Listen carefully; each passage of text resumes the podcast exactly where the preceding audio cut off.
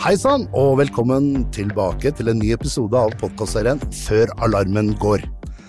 Og i dag så har jeg faktisk med meg eh, grunnen til at jeg sitter her i dag.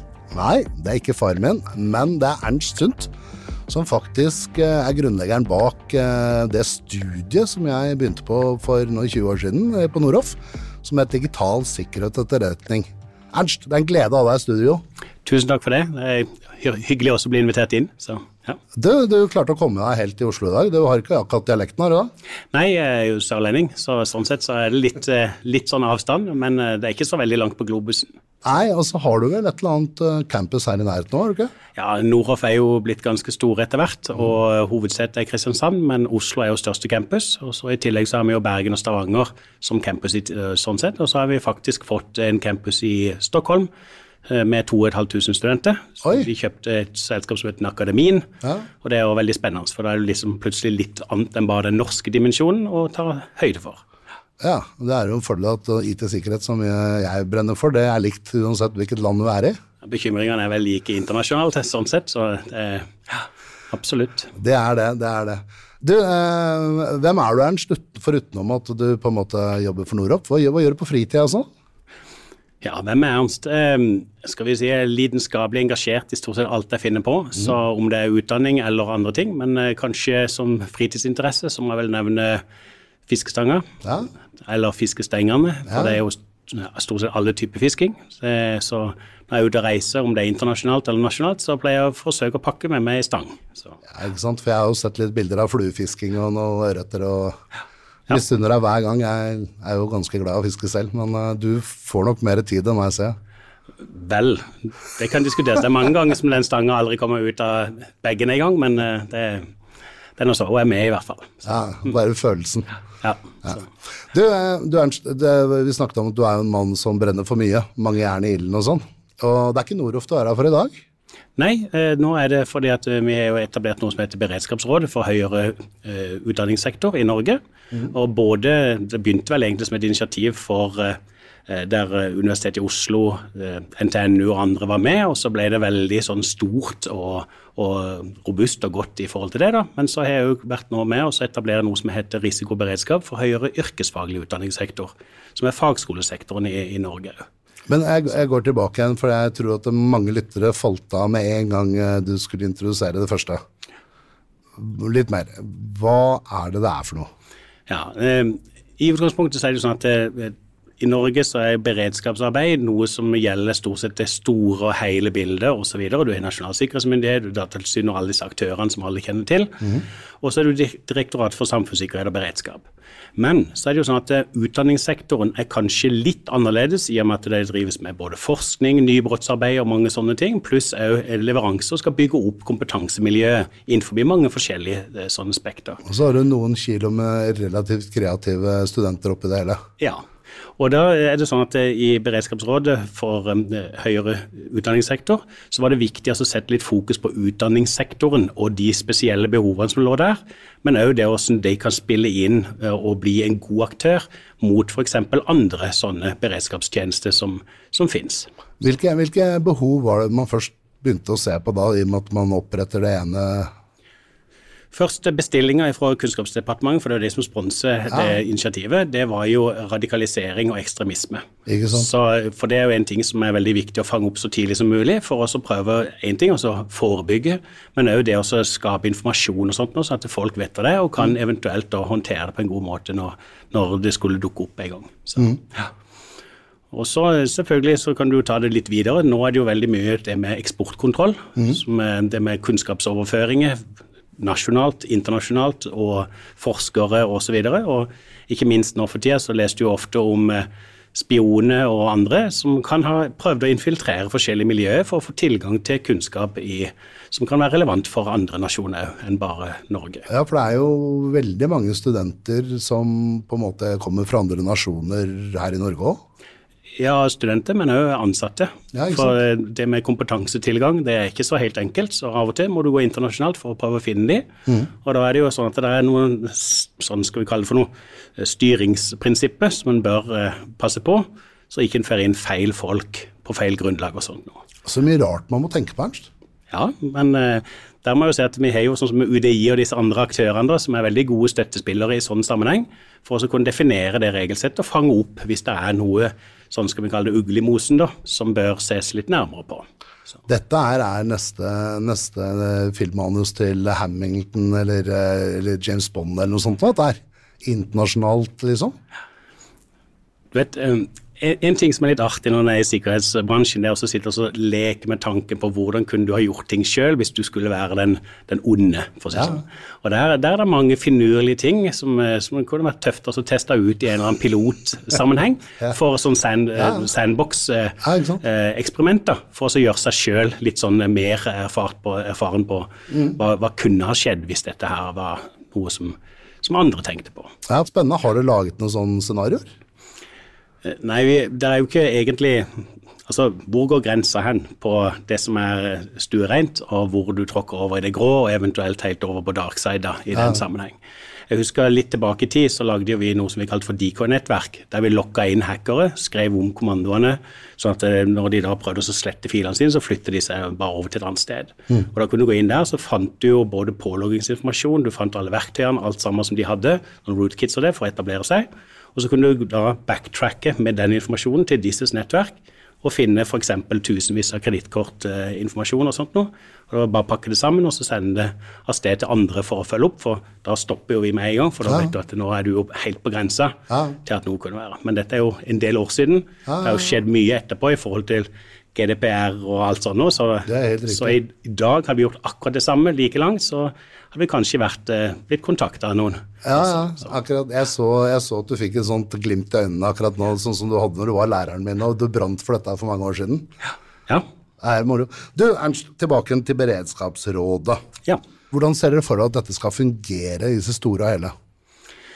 Så Beredskapsrådet er jo et uh, frivillig nettverk, egentlig, der uh, hovedfokus er deling av kompetanse og spille hverandre gode. Og Det syns jeg vi får til på en veldig god måte, men Beredskapsrådet i seg selv er jo et sånn, skal vi kalle det paraplyinitiativ. Mm. Der det sitter de store universitetene og en del andre miljøer som er, som er, er viktige i sånn sammenheng. Men så er det òg en sånn kanal derifra til litt andre uh, underliggende miljø, sånn som f.eks. fagskolesektoren, eller høyere yrkesfaglig utdanningssektor, mm. som uh, det offisielt heter. Så, så der så har vi da bygd opp et eget nettverk som er basert på noen av de samme prinsippene, med delingskultur og sånt nå, for å igjen tenke at det, i Norge så har du et spenn fra veldig små mm. til veldig store aktører. Og det er forskjellige nivåer av behov innenfor de forskjellige nisjene der. Da. Hvor, hvor tidlig på en måte um, Altså det er jo fagskoler som går rett ut etter, etter folkeskolen. Det heter jo ikke det lenger, men, men eh, det, man, hvor, hvor, tidlig er det man, dere begynner å følge med på dette her? Eller hvor tidlig, hvor, hvor unge mennesker er det som på en måte er i systemet deres? Utdanningsmessig så er det jo jeg håper å si, stort sett alle grupperinger fra de kommer ut av videregående. Men hvis du nå tenker deg at på videregående så har du gjort en revisjon innenfor det med fag, så mm. nå har du jo IT-driftsfag og IT-utviklerfag. Ja. Så jeg vil jo anta at en del av de tingene kommer allerede i, spill der. Ja, så den bevisstheten og sånt noe. Ja. Og så håper jeg jo inderlig at dette er jo noe som blir gjort som sånn indoktrinering med bevissthet på en del ting og sånt nå, gjennom både barneskole og ungdomsskole og opp på videregående. Ja. Men så er det jo veldig viktig å ta det nivået opp til et forståelsesnivå i forhold til hvis du skal utdanne folk som skal kunne operere dette her. For å prate om det, det er én ting, men du må jo mm. faktisk kunne gjøre noe. Mm. Eh, og hva, og hva gjør man hvis man oppdager at uh, her er det noe ugreit som er ute og skjer? Altså, Det er jo en del sånn varslingstjenester og sånt i, i Norge òg. Du eh, kan jo kontakte om det var økonomi eh, eller økonomisk kriminalitet, mm. så kan du kontakte Økokrim osv. Men jeg tror det viktigste, hvis du oppdager at det er et eller annet, gå til de som er sikkerhetspersonell i bedriften din. Og så, sånn at de kan få fanga det opp og eventuelt få spilt det videre i sine nettverk og til sine respektive kontaktpunkter. Så, men ellers eh, så bør jo bedriftene ha en sånn beredskapsplan og Der skal det jo stå litt om om det er en krise som er til, uh, under oppseiling eller andre sånne ting. Så, så, kan du da følge den planen, og der skal det være både kontaktpunktet, men også informasjonspunktet, uh, som gjør at sånn og sånn og sånn bør man håndtere dette her på en god måte. Så det må også skrives inn i, i virksomhetenes ja, Dette er spennende. Du vet, eh, sånn som Jeg nevnte jo dette med spenn på størrelse på selskaper. og da er det jo sånn at De små, der er det jo gjerne få personer som skal ha mange hatter. Ja. Og så i de store så er det egne personer med egne hatter. Og den kombinasjonen der med å kunne ta og dele for å finne hva er egentlig riktig for din verden, det er jo en av de hovedfokusene som vi har på beredskapsråd. Både på eh, toppnivå, men òg på det her sånn som f.eks. For, for fagskolesektoren. For eh, det som vi ser, er jo at det er noen som trenger hjelp med noe så enkelt som risiko- og sårbarhetsanalyse. og Da kan vi sette fokus på det, hjelpe de med kollokvier, og så utvikle videre det arbeidet de allerede er i gang med. Eh, Og så kan det også være at de mangler enkelte biter i en beredskapsplan. Så kan man hjelpe dem til å få en god handlingsplan når noe skulle dukke opp. Deriblant varsling hvis det er plutselig et eller annet man ser. Oi, dette ser skummelt ut. Og så bør man ha en intern prosess på hvor rapporterer man det hen. Men du Ernst, dette her, eh, det koster jo en del å være med i et sånt nettverk sikkert. Tid, eh, rammer, bruk. Hvordan, hvordan får dere dette til å gå rundt? Ja, du vet, I utgangspunktet så kan du jo lage sånne tjenester så store og skal vi si, omfattende du bare ønsker. Ja. Eh, Men det er jo sånn at eh, Byråkratiet kan være bra. Ja, ikke sant. Eh, Men så er det jo det med å klare å finne en formålsenhetlig tilnærming til det. Og igjen så er det sånn at Kunnskapsdepartementet de sponser en eh, sekretariatsfunksjon og en sånn skal vi si, liten driftsfunksjon for noen ting. F.eks. de kan komme med bestilling at nå skal det være en konferanse med fokus på noe sånt osv. Så, videre. så sponser de det, en del rundt det. Men alle aktørene som sitter der, de gjør dette på et frivillighetsprinsipp. Fordi at det der er et godt stykke antall personer da i Norge som virkelig er engasjert, vil noe med dette her, og som vil investere litt i å få dette her til å bli bra for alle. Og Ja, for det er et dugnadsarbeid, egentlig. ja, det blir jo det, og det blir jo det sånn som et nettverk der. Så hvis du kaller det en utvida kollokviefunksjon, da, som sier at du har samla noen folk som er ildsjeler i sine bransjer, og så, så vil de noe, og så får man da til noe i sammen. Ikke sant? Og da er det vel eh, veldig ofte mm, de store lærer de mindre, kanskje? Ja, det, du kan si eh, eh, både òg. Fordi at eh, de store de har jo mye som de mindre kan plukke fra. ikke sant? tenkte- Og så kan du da tilpasse litt. Grann. Men så er det også litt dette med at de mindre kan ha noen gode kreative forslag til hvordan de store kan få forbedra funksjonaliteten sin. Nei, ikke sant. Ja. For, for en, eh, en kjensgjerning i alt sånn type arbeid er jo at eh, Oi, nå kommer det flere krav, det er mer forventning til hva du skal levere på, og sånt, men du får mindre penger eller mindre ressurser. Og hvordan gjør du det? Og Da kan jo de store lære litt av de små. Hvordan klarer de også å finne ut hva er nok og alt sånt noe. Og Det er også en ting som jeg syns er positivt når samfunnet i seg selv, sånn som f.eks. Datatilsynet, kommer ut med dette Kvist-prosjektet sitt for å se GDPR det er jo kommet for å bli, men det skal aldri være en hemsko. Så hvor går egentlig grensa for hva er nok eh, for å få det driftsmessig formålstjenlig? da. Så. Men eh, hvordan jobber dere privat, offentlig? Det er vel en sånn symbiose av begge deler her? Faktisk så var jo det en av de viktige tingene når de etablerte det beredskapsrådet, at det var aktører som representerte alle gruppene. Du hadde store universiteter, og du hadde eh, høyskoler, og du hadde også den private høyskoledelen. Det var liksom den biten som jeg representerte når jeg begynte i beredskapsrådet. Klarer dere å bli enige? Er ikke det litt sånn, eh, litt sånn dulte borti hverandre? Jeg, jeg, tror, jeg tror eh, det som er veldig fint, det er at her så er det liksom sånn eh, preaching for the choir. Ja. Alle har jo en sånn litt sånn felles uh, interesse i emnet og tematikken. Så dermed så er drift og alle andre sånne konkurrerende elementer, de er egentlig ikke på bordet Ja, når du sitter der. Ja. Så, men selvfølgelig så er det jo man, man holder jo skal vi si, en profesjonalitet i det man gjør, sånn at ikke man liksom utleverer ting som Ting kunne jo ha vært gradert, eller det kunne vært hva som helst, men, men det, der er det veldig viktig at man holder en riktig og ryddig tone i, i den sammenheng. Men, eh, men eh, altså, opplever man de samme utfordringene på universiteter som dere? Ikke sant? For det er jo likt. Ja, og faktisk av og til så opplever du kanskje også den andre eh, utfordringa som sier at det er noen som ser noe, men de er så stort miljø at det tar litt tid før det faktisk er gjennomsyra til de som skal ta beslutninger, eller som da skal vite noe om det, sånn sett. Ja, for det blir for stort, liksom. Ja, så, så, men der så må jeg jo si at jeg er jo imponert over hvordan noen av universitetene i Norge også klarer å operere dette på en supergod måte, mm. og, og ivareta alle disse, disse elementene. Vi, Noroff vi har jo blitt eh, Norges største fagskole, men fortsatt er vi jo små i høyskoledimensjonen. Men mm. selvfølgelig så har vi noen ambisjoner der òg. Men, ah. eh, men så, samtidig så ser vi jo da at det er jo ting der som vi kan trekke inn. Og så er det også ting som vi kan bringe til torgs i, i den store sammenhengen. da. Mm. Hvordan, eh, midt oppi det her kommer det noe politikken? Det er litt sånn politikk ute og går eh, gjerne. Kommer det i veien for hva dere prøver å få til? Vel, eh, politikk så tenker jeg, Det er jo flere sider av politikk. Det ene er jo det med at det er noen føringer som kommer fra sentralt hold, f.eks. For, for de som er statsfinansiert, universitet og sånt noe, mm. hvor de skal rapportere på og de skal gjøre en del ting. Der så kan jeg vel Er det noen begrensninger der på hva de kan dele med dere og den type ting, eller er det ikke kommet inn? Egentlig ikke så lenge det er ikke noen sånn graderingsbegrensninger ja. og sånne ting. da, men, men, ellers er det jo mye tall og fakta og alt sånt nå, at du skal ha kontroll på alle disse dimensjonene og sånt. Mm. Men det som jeg ofte kan høre litt om, er jo at eh, kravene blir mer og mer eh, altså skal vi si eskalert opp, så det blir større og mer rigid og tungt å rapportere. Mm. Eh, og så får du ikke det samme i f.eks. ressurstildelinger. Så, og så har du da den dimensjonen som sier at det, det offentlige de har jo gjerne sånne krav og sånne ting gjennom noe som kalles et tildelingsbrev. Mens eh, sånn som for vår del, som ikke er med i f.eks. UHR eller i disse andre eh, nettverkene der, så vi ser jo aldri de rapportene eller de kravene eller noe som er sånn. Så, så da er det plutselig en sånn mismatch på informasjonsflyt som også er en ting som Beredskapsrådet er en veldig god sånn, skal vi si, mediator for. Mm. Hvor du da kan fange opp litt hva rører seg hos de, hva rører seg hos oss, og hvordan kan man da eh, dele og bli bevisst på egentlig mer det holistiske bildet innenfor dette. Det er litt urettferdig at det offentlige formidler eh, til en måte å drive dette, mens dere må ta det av bunnlinja? Jo, men så tenker jeg at det er jo en driftsprioritering, eh, sånn mm. sett. For det, kravene er jo like for alle, og vi har valgt å være privat aktør, og da må vi ta høyde for de tingene som ligger i det. Ja.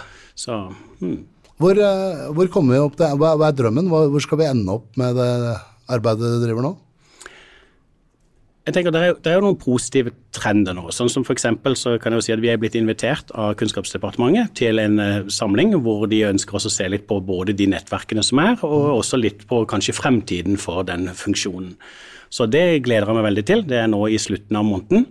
Så, så, men det som jeg hadde håpet i, og drømt om i fremtida, er jo det at eh, de tingene som ikke er direkte konkurranseutsatt, f.eks. sånn som det med sikkerhetsperspektiv og sånt noe, som burde være en sånn felles bekymring for alle i mm. hele samfunnet, der kan man samhandle mye bedre, dele informasjon, dele ting som skjer, og gjerne også hvis noen fanger opp noe, så burde det ha vært en sånn eh, skal vi kalle det en dashboard-funksjon som sa litt om hva er det nå som er rødt, mm. og trenger litt ekstra fokus. For eh, igjen så er det alle selskaper tror jeg er veldig i stand til å agere når de vet hva som er på trappene. Ja. Så, uh, men eh, det er kanskje ikke alle som har så mye ressurser de kan sitte og prøve å følge med ja. på alt som skjer. Så. Så, mm. Men uh, du er jo en, uh, en, mann med mye energi og, og, og er, en igangsetter. Uh, du har jo vært med på å lage noe tilsvarende tidligere, har du ikke? Vært en av insentivtakerne som på en måte har fått det helt opp og frem?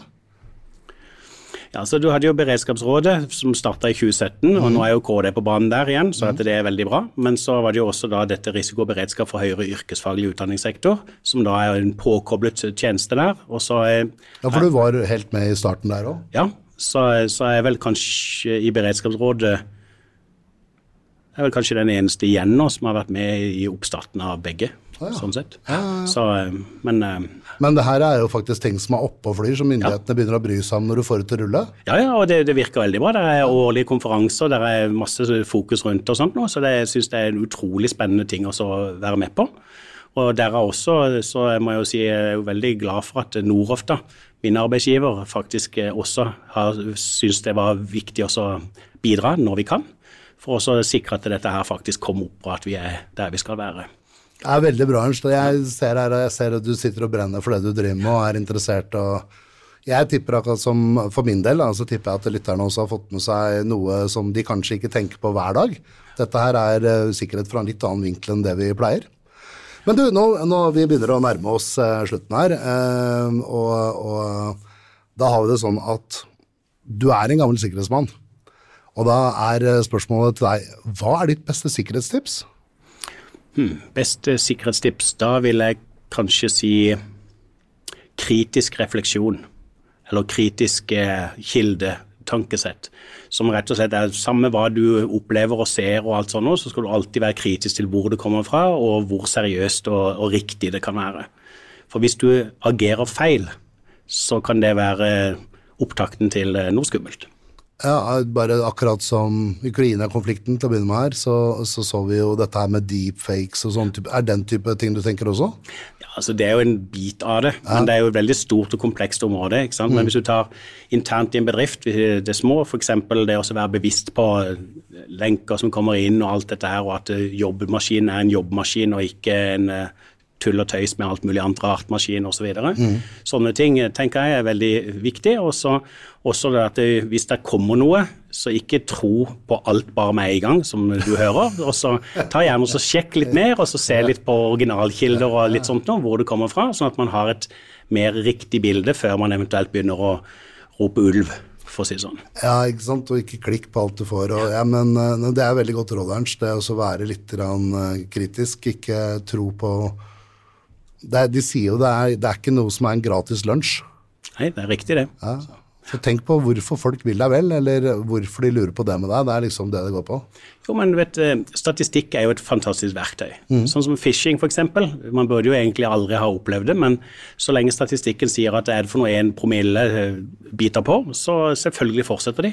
Det er jo business, ikke sant. Så, ja. Det er jo mye, mange av de største angrepene vi har lest med avisen som har startet med et phishing-angrep, faktisk. Ja, så... Ja, derfor fortsetter de.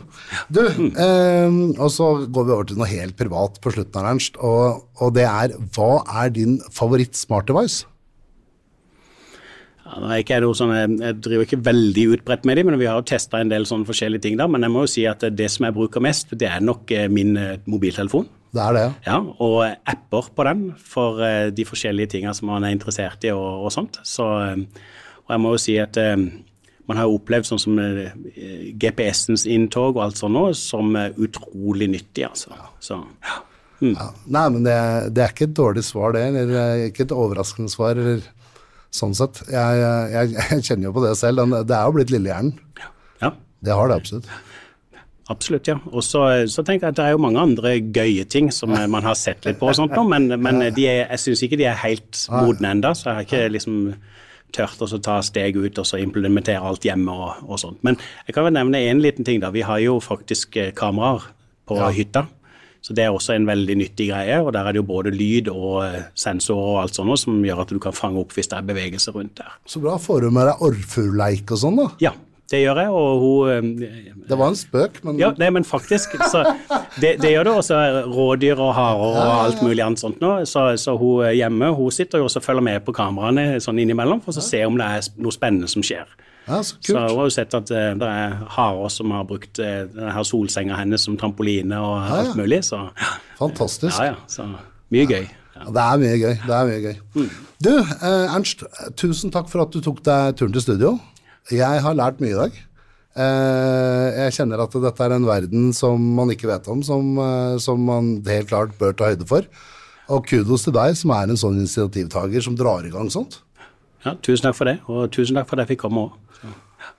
Og til lytterne der ute, stay tuned. Det kommer snart en ny episode av podkastserien Før alarmen går. Vi høres.